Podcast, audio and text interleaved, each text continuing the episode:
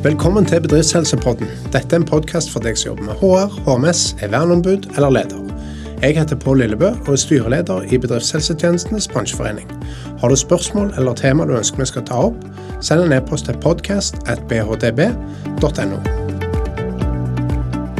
Dagens tema er ledelse og lederutvikling. Og Med meg har jeg Bjørn Niklas Sjøstrøm, som er leder i firmaet Blanchard Norway, som er en del av Ken Blanchard Companies. Velkommen, Bjørn Niklas. Tusen takk, Pål. Hva er ledelse for deg?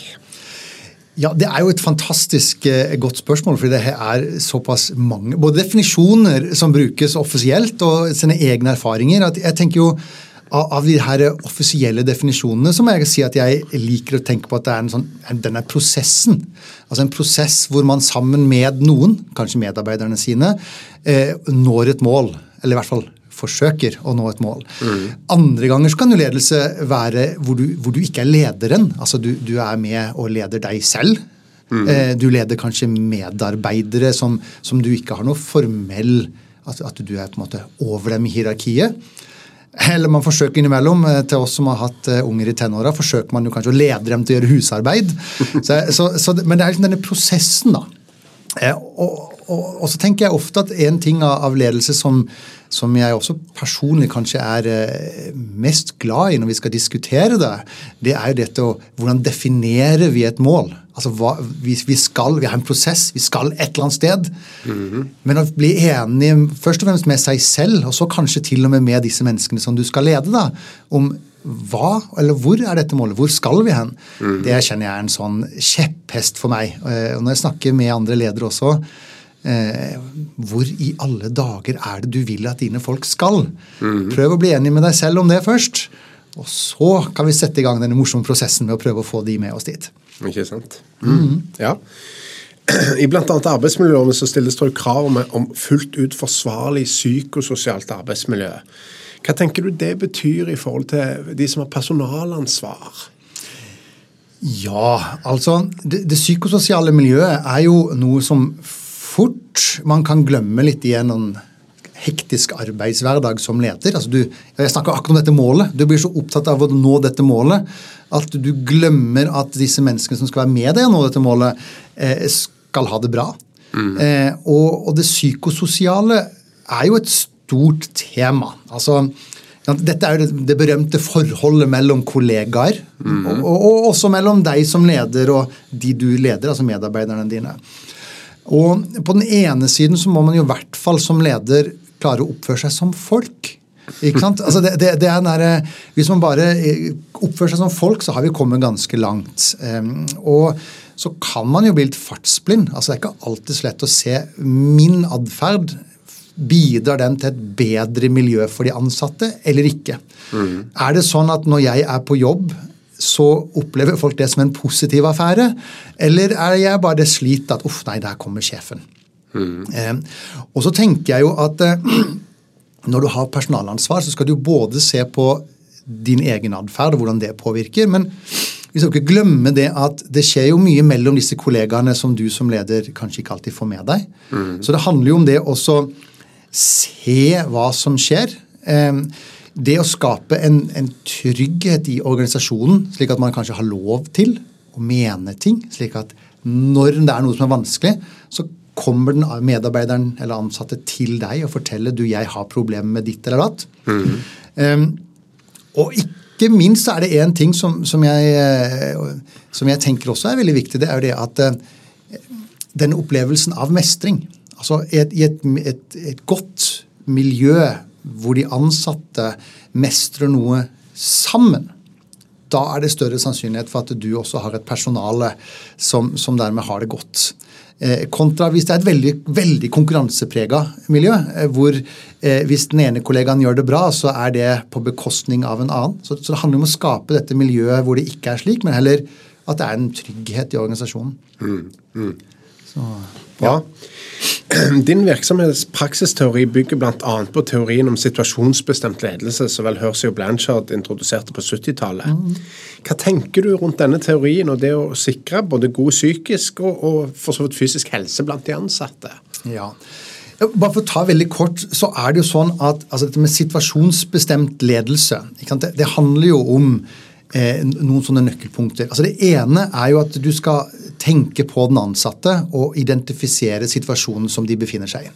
Altså forholdet til målet eller arbeidsoppgaven de har, og hvor de befinner seg. Enten på sin kompetanse, altså kan de dette her, kan de det ikke? Mm. Eh, og ikke minst også på hvor entusiastiske og engasjerte de er. Har de lyst eller har de ikke til å gjøre den jobben? Mm. Eh, og så I tillegg så har vi disse atferdene som vi som ledere kan gjøre. Vi kan enten instruere, fortelle dem hva de skal gjøre. Og det andre er å støtte dem i det de skal gjøre. Og da tenker jeg at fysisk helse da, da snakker vi også sånn HMS og passe på at det finnes gode rutiner. Og da snakker vi om instruksjonene. altså sånn, det, du skal gjøre en jobb, den innebærer en eller annen form for fare. Her er instruksjonene, og de skal følges. Mm. Eh, og så skal vi jo da også støtte dem på, på at de, de, følger det, og positive konsekvenser av at de gjør det på riktig måte, osv. Eh, og så dette med psykisk helse, eh, som jo på mange områder kan være litt vanskeligere. Altså det, det, er jo eh, i anførselstegn lett å se om en situasjon er fysisk farlig. Mm. Altså at du kan, Det er fallmuligheter altså osv. osv. Men at en situasjon er psykisk kanskje en faresituasjon, det er ikke like lett som leder også å se. Men ved også hele tiden med å tenke situasjonsbestemt og forsøke å identifisere situasjonen som medarbeideren din er i, mm. så er det ikke noe garanti for at du klarer å oppfange det, men det er i hvert fall en større sannsynlighet, fordi du forsøker oppriktig å forstå. Mm. Og, og, jeg tenker jo at det at eh, i det du forsøker å oppriktig forstå, så vil vi jo skli over i dette her med å, å, å tenke empati. Mm. Altså, det, du, det, det, om du så vil eller ikke, så sklir du inn en sånn en, eh, Og forhåpentligvis i ganske stor grad også, men en, det er lettere å se de ansatte når du forsøker å se dem. Det er mm. lettere å ha medfølelse med en ansatt som du ser, enn en du ikke ser. Og mm. da kommer liksom denne fantastiske eh, empatien eh, til syne allikevel. Eller uansett, kan man jo kanskje si. Eh, så det er vel, det er vel sånn de, den korte forklaringen på hvordan situasjonsbestemt er med på å, å kunne fremme god helse, både fysisk og psykisk. Mm. Tenker du at, at, ledere kan trenes eller, eller, lære empati, på en måte, eller hvordan ja, altså jeg tenker, altså, og vi i Blancher tenker jo det. At mm. eh, det er sånn at eh, det å være en god leder, det er ikke en eller annen sånn gudegave du er født med. Det er noe du trenes til. Mm. Eh, og, og, det betyr at enhver en eh, ferdighet som du bruker, vil du kunne bli bedre i. Og Nå må du først identifisere at det er en ferdighet, mm. eh, og, og, så må du øve deg på den. Eh, og det er jo det som også er viktig, at eh, når vi da trenes til å forsøke å se den ansatte, forstå situasjonen de er i, mm. så trener vi også evnen vår til empati. Ja. Eh, og, og, og, det er én ting som, som, som jeg syns også er veldig interessant, og det er dette her prestasjon til medarbeideren mm. versus mestringen som den medarbeideren føler. Ja, Fortell om det. Fordi eh, du, du, kan ha ansatte som leverer helt fantastiske resultater. Altså Prestasjonen er helt magisk. Og så spør de hvordan går det. Ah, jeg får det ikke helt til. Så Det er ikke nødvendigvis en sånn at uh, hvis jeg har gode prestasjoner, så har jeg en høy mestringsfølelse. Og vice versa. Du kan jo ha ansatte eller medarbeidere, og det, det har vi kanskje allerede opplevd, som er hvordan går det? Det går helt fantastisk. Ja, dette her lykkes jeg så godt med. og Så ser du på resultatene og sammenligner de med tilsvarende medarbeidere i tilsvarende stillinger. og så ser det sånn, ja, Men så tenker jeg at prestasjonen er ikke helt der. Mm. Så det ved å forstå de ansatte og osv., det, det tenker jeg at eh, Å vise dem empati på, på begge utgangspunkter, mm. eh, det sørger for at du har ansatte som har det bra. Eh, ingen har jo lyst til å være i situasjonen hvor du tror du gjør det bra, men så er, også er fakta at du gjør egentlig ikke det. Men det er jo bedre å få den tilbakemeldingen av en hyggelig, empatisk leder som forsøker å hjelpe deg til å først forstå hvor du ligger hen, og så hjelpe deg opp dit hvor du ønsker å være. Mm. Eh, kontra at det snakkes om det i, i, gangene på kontoret og alt mulig sånt. altså Som igjen er på det psykososiale mm. miljøet. Ja. Eh, så det, det, tenker jeg er viktig. Ja. Hvordan er det med den nye liksom, hybride hverdagen, den nye normalen, mer hjemmekontor for en del arbeidstakere? Tenker du at det har endra eller økt eller redusert behovet for lederutvikling? Ja, Nå jobber jo jeg med lederutvikling, så, så, det er veldig vanskelig for meg til å si noe annet enn ja, det tror jeg helt oppriktig at det har. Eh, men jeg skal kanskje ha en liten forklaring på også hvorfor. Altså, det, så du tenker det skal være mer av det? Ja, jeg tenker mer, da da det var mer og, det, og, grunnen til det er litt sånn eh, sammensatt. Altså, det, du, du, eh, du møter jo mennesker i det daglige som sier enten er helt ihuga fans av hjemmekontoret. Mm. Og de som mener det er det dummeste som har skjedd. Mm. Og så tenker Jeg at jeg er helt overbevist om at svaret ligger ikke i de ytterpunktene. Nei. Det ligger et eller annet sted i midten der. Og så tror jeg i tillegg igjen dette med å tenke situasjonsbestemt. da, mm. Og se individet. At det kan være at, eh, at du trives kjempegodt med hjemmekontor, mens jeg synes det er en pest og en plage. Mm. Det kan være at eh, og, og, så videre og så videre. Og det, og det må vi ta inn over oss. Og så må vi jo og tilpasse. Jeg kan jo tenke for min egen del, altså når ungene var små, eh, og jeg har jo medarbeidere og, som vi forholder oss til, hvor, hvor de har mindre barn. Og, og, og, det å se den fleksibiliteten ved at de kan levere i barnehagen, sitte på hjemmekontoret og så hente, uten at det er dette evinnelige stresset med tog som kanskje ikke går, eller bilkøer som er lengre enn forventa. Det stressnivået som man kjente på når man skulle rekke barnehagen. Mm. Det å slippe det er jo en fantastisk greie. Mm. Så er det en utfordring som, som, vi må se på som ledere. Det er er det de riktige folka som velger å være mye på hjemmekontor. Det, det, er jo en god grunn. Altså, sånn, du, eh, jeg og kona eller jeg og gubben vi, vi bytter på annenhver dag henting og levering og alt mulig, så det betyr at jeg ønsker gjerne osv. Den, den graden av tilpasning fantastisk. Men hva gjør vi med de som da har mer utfordringer, være seg om det er rus eller sosialt eller hva det skal være? Mm. Klar, og det er der jeg mener at vi må være enda mer opptatt av ledertrening nå. fordi hvordan identifiserer vi det? Mm. Du klarer ikke å se på hva som det er på Teams eller Google Meet eller hva det er for noe. Du klarer ikke å se om vedkommende er nyvaska. Eh, så, så, det er noen sånne vanskelige ting rundt det. Og også fange opp om vedkommende føler seg ensom eller ikke. Ja, for jeg tenker Vi, vi snakker gjerne om et ytterpunkt med at det er blitt eh, rusproblematikk og sånne mm. ting. Selvfølgelig rammer det noen. Og som bedriftshelsetjenesten rapporterer, det blir mer av det nå. Og det er lettere å skjule det når du sitter på hjemmekontor, det er klart. Og vi hadde jo mm. Akan Eh, Elisabeth Ege Jakan med på en podkast her, og, og, hun snakket om det. Og, mm. og det er klart, det ser vi, men da snakker vi om ytterpunktene. Men, men, det er ganske mange som bor og lever alene òg, ja. hvor, hvor, jobben er et av de viktige sosiale holdepunktene i, i livet. ikke sant? Ja. Altså, Jeg er jo en av de som drikker altfor mye kaffe. Og jeg må si at En av de hyggeligste tingene i løpet av min arbeidsdag er jo når du dulter borti en kollega ved kaffemaskinen. Mm. Og, og, og, um, Det bør ikke være så det er så dyp, god samtale. Om det kan være været eller hvilken kaffe liker du. Altså, det er ikke så viktig, det, men det er den sosiale tilknytningen. Mm. Og det som da leder å klare å identifisere og ikke minst også bruke tid, altså tørre å gjennomføre medarbeidersamtaler eller målsamtaler digitalt. Mm. Hvordan gjør jeg det? Så, så, jeg tenker jo at i stor grad så Ja, det som du sier, vi har ytterpunktene, men også i, i den i, i, midten av disse som det i perioder fungerer kjempebra for, og så dårlig, altså det er den vanlige gjennomsnittet, mm.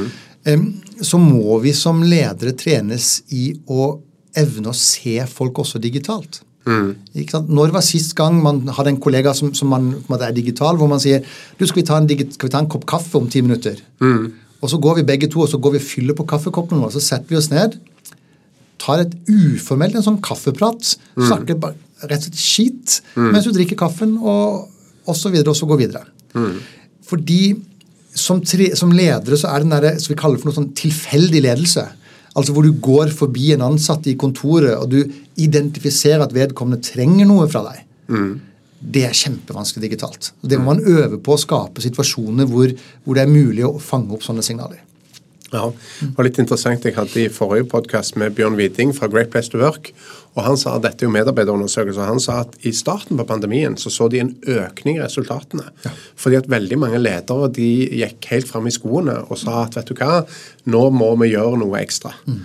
Men så sa han dessverre, etter hvert som pandemien skred fram og kanskje var eh, i stor grad over, Mm. og den nye normalen, så var det ikke bare tilbake til eh, der som det var før pandemien, men nivået under. Ja. Altså i snittet på fornøydhet er gått ned Mm. etter at man er hjemme. Og da handler det bl.a. mye om eh, manglende oppmerksomhet fra leder. Ja. Ja, det, det, det, den, eh, nå har sett akkurat den statistikken der, men, men det sammenfaller jo veldig med de tilbakemeldingene som, som jeg også har fått, hvis du tar de siste, siste 10-12 månedene som har vært nå. Eh, og en sånn slitenhet som gjør at man som du sier, slipper seg litt for langt tilbake. Eh, og sammen med at man kanskje ikke helt har fått trent på og dermed ikke helt forstår eller vet forventningene. Ikke sant? For det, det, det er jo ved å være i en krisesituasjon eller en sånn dugnadssituasjon kan jo bringe ut det positive i folk. Og det, og det tror jeg det i stor grad gjorde. Eh, og så er det jo som du sier, å ikke slippe seg for langt tilbake etterpå. Og jeg hører fortsatt en del ledere som sier at hvis jeg ikke hører noe fra de på hjemmekontoret, så går det nok bra. Ja. Det tenker jeg er en litt skummel holdning. Ja. Ok, Hvordan tenker du at bedriftshelsetjenesten kan bidra i forhold til lederutvikling? Ja, altså vi er sånn, sånn kort ville jeg sagt i hvert fall tredelt. Altså, Hvis vi starter med den eh, altså det, det er opplæring, det er fokus på, på HMS, altså de, den biten der, Å få hjelp til å gjøre det på en god måte. Eh, det, det tenker jeg kanskje er den, den første som slår meg. Eh, og så er det jo nummer to, det er jo da disse her kaller temperaturmålingene. Hvordan går det egentlig i organisasjonen din? Og det å få hjelp til, til det som leder, og se på det som, som noe positivt. Altså Om du så får en tilbakemelding på at det er et eller annet som ikke er helt bra, så er det jo et hav av forskjell å vite om det, og dermed kunne lage et tiltaksplan. Ja. Eh, og, og dette med temperaturmålinger er jo fantastisk også å få noen eksterne som på en måte gjør. Eh, fordi eh, tilliten som medarbeiderne dine har til både resultatet eh, og ikke minst at, at eh, informasjonsinnhentingen er gjort på en god måte. Mm. Fantastisk å få det fra, fra noen eksterne som driver helsetjenesten. Og så er det jo Sist, men absolutt ikke minst heller, det er jo sparringen i de vanskelige situasjonene. Jeg har jo vært leder eh, sjøl og havna i, i, eh, i situasjoner hvor jeg som leder har eh, oppdaget eller fått med meg at en ansatt enten har slitt psykisk, eh, være seg om det er korte perioder, altså alle har vi jo opp og ned gjennom livet, eh, eller det er med rusproblematikk. Eh, og det å kunne snakke med en fagperson på det altså fordi Som ledere skal vi jo være flinke på å lede. Mm. eh, og, og som ledere så er det jo en ting vi også må være flinke på, det er å innhente den kompetansen du har behov for i de situasjonene du havner i. Eh, og der, der tenker jeg at bedriftshelsetjeneste eh, må man virkelig se på som et gode. Både for den enkelte ansatte, men også for hele bedriften i forhold til at man kan få støtte i også sånne vanskelige situasjoner.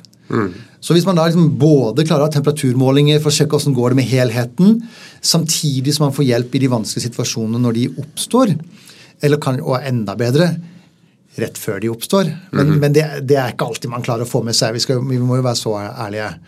Eh, men så tidlig som mulig. Eh, og kanskje i de, vers, de vanskeligste situasjonene som leder, det er hvis, du, hvis det blir en, en konflikt på arbeidsplassen, altså en vanskelig situasjon, og så er du en del av den. Ja. Det, er jo for så vidt i anførselstegn enkelt å, si, å, å, å være det, det, er, det er vanskelig, det er en konflikt mellom to ansatte. Da er du på en måte tredjeparten. Kan være vanskelig nok, det òg, Det, ja. det kan være mer enn vanskelig nok, det, men plutselig, hvis du er en del av konflikten ja, da kan du, du kan ikke være både del og være den objektive tredjeparten. Det, det er det ingen som har tillit til. Saksbehandler seg sjøl, ikke Ja, sant? Det går ikke an. Det å da ha en bedriftshelsetjeneste som kan komme inn og bistå i sånne situasjoner også, fantastisk. tror Ja. jeg. Tenker du at det er noen som blir syke av dårlig lederskap? At, eh, at det kan òg skape sykdom? Det at man har eh, Ja.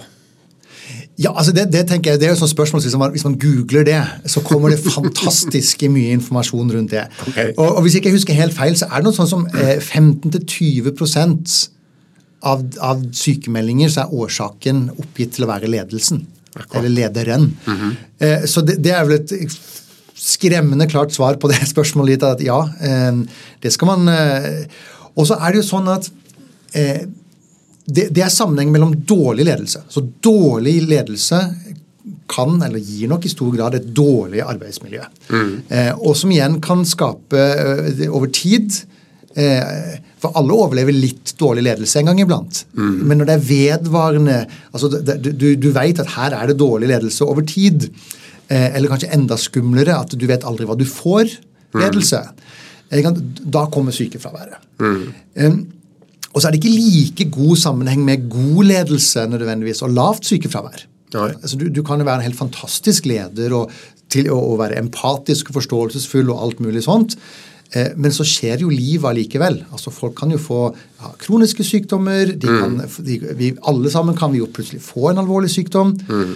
Eh, så, så eh, Men igjen, den negative veien, altså dårlig ledelse, det gir høyt sykefravær. Så det er jo en ekstremt dyr affære å egentlig ha dårlige ledere.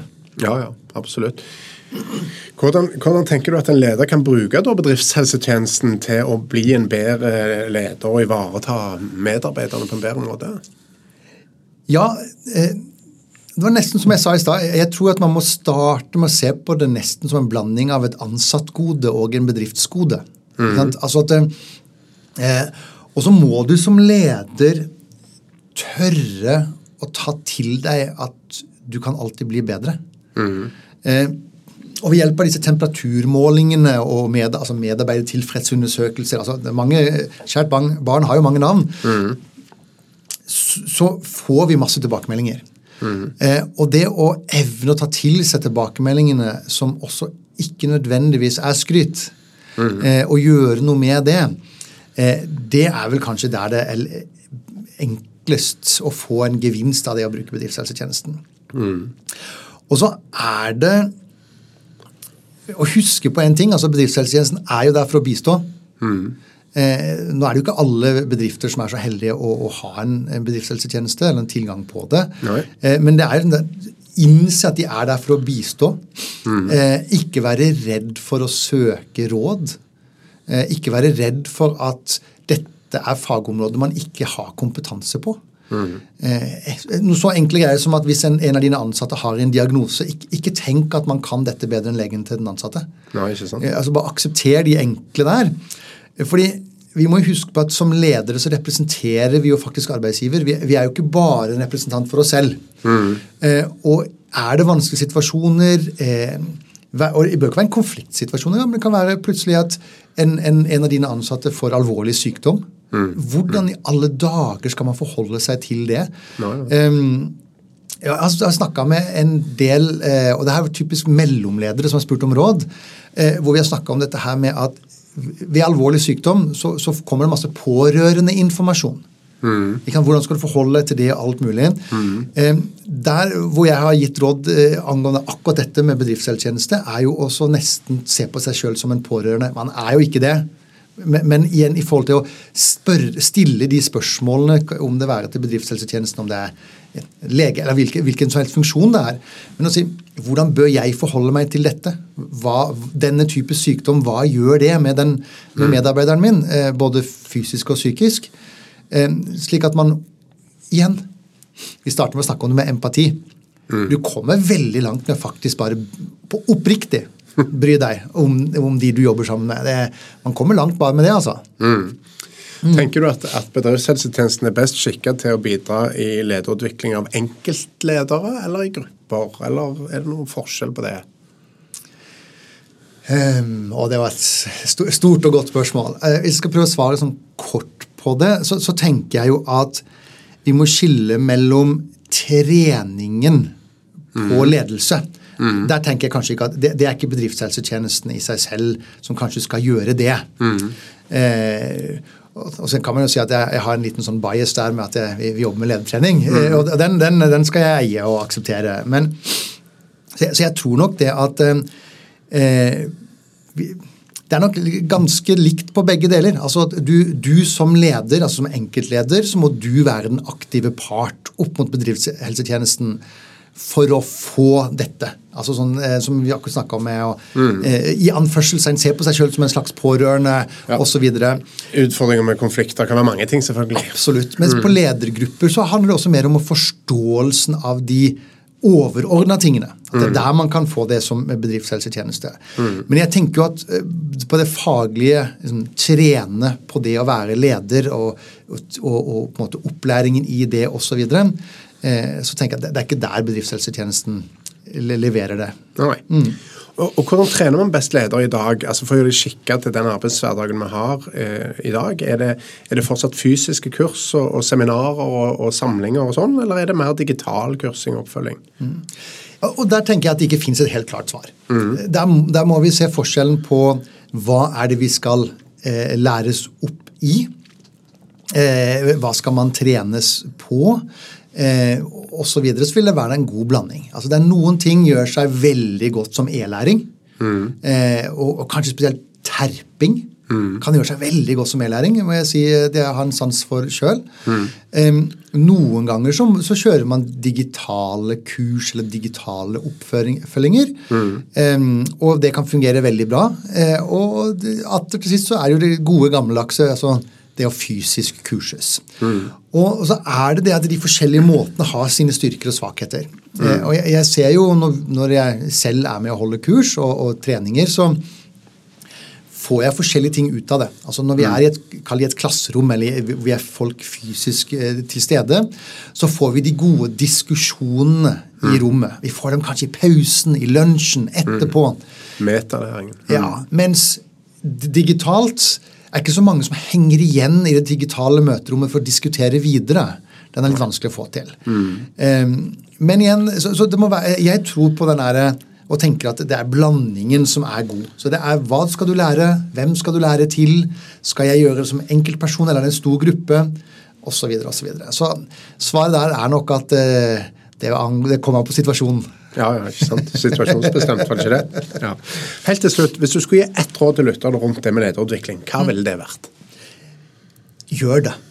Gjør det. Ja, det, det er kanskje det viktigste. Altså, om, om, du er, om, du er, eh, om det er situasjonsbestemt, eller om det er styrkebasert ledelse, altså hvilken, det, for, så er det hvilken filosofi du velger, den er for så vidt grei. Det er ikke så viktig. Det Nummer én er gjør det. Du, du må øve deg på dette her. Velg en av de som faktisk har empiri bak seg. Slik at det ikke bare er eh, en, en eller annen kursholder som føler eller mener noe, men at det faktisk er empirisk belagt.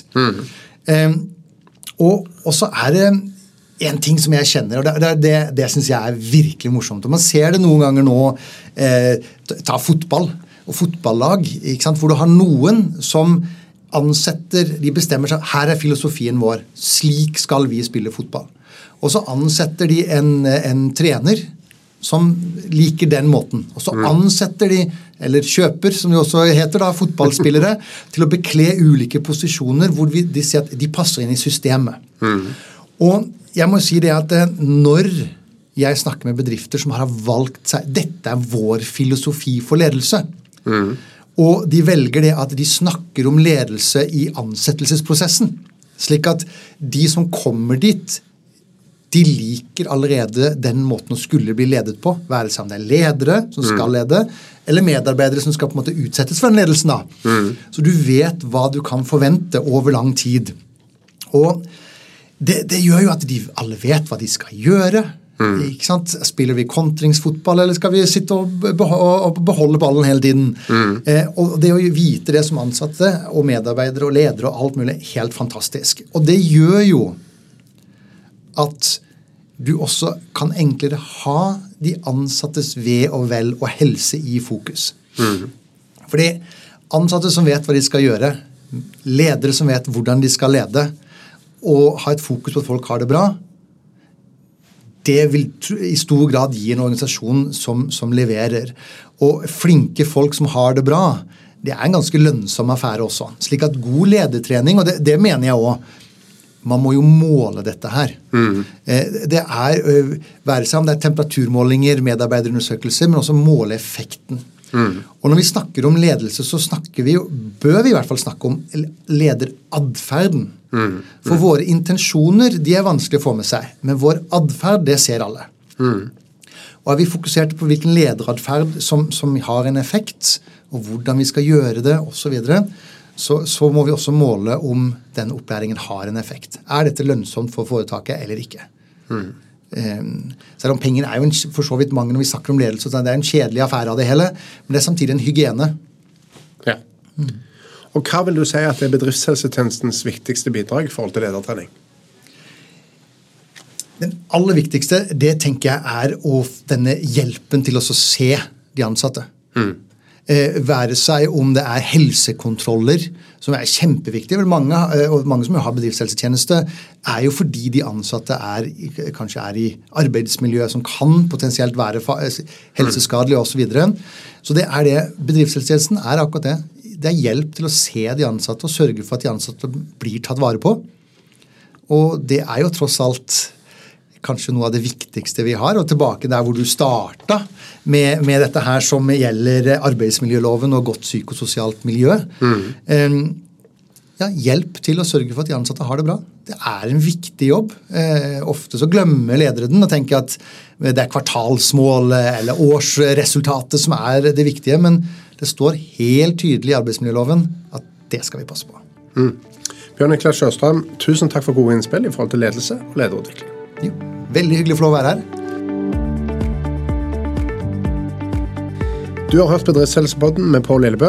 Dette var det vi hadde for i dag. Har du spørsmål du ønsker svar på, eller tema du ønsker vi skal ta opp, send en e-post til podcast.bhtb.no. Takk for i dag.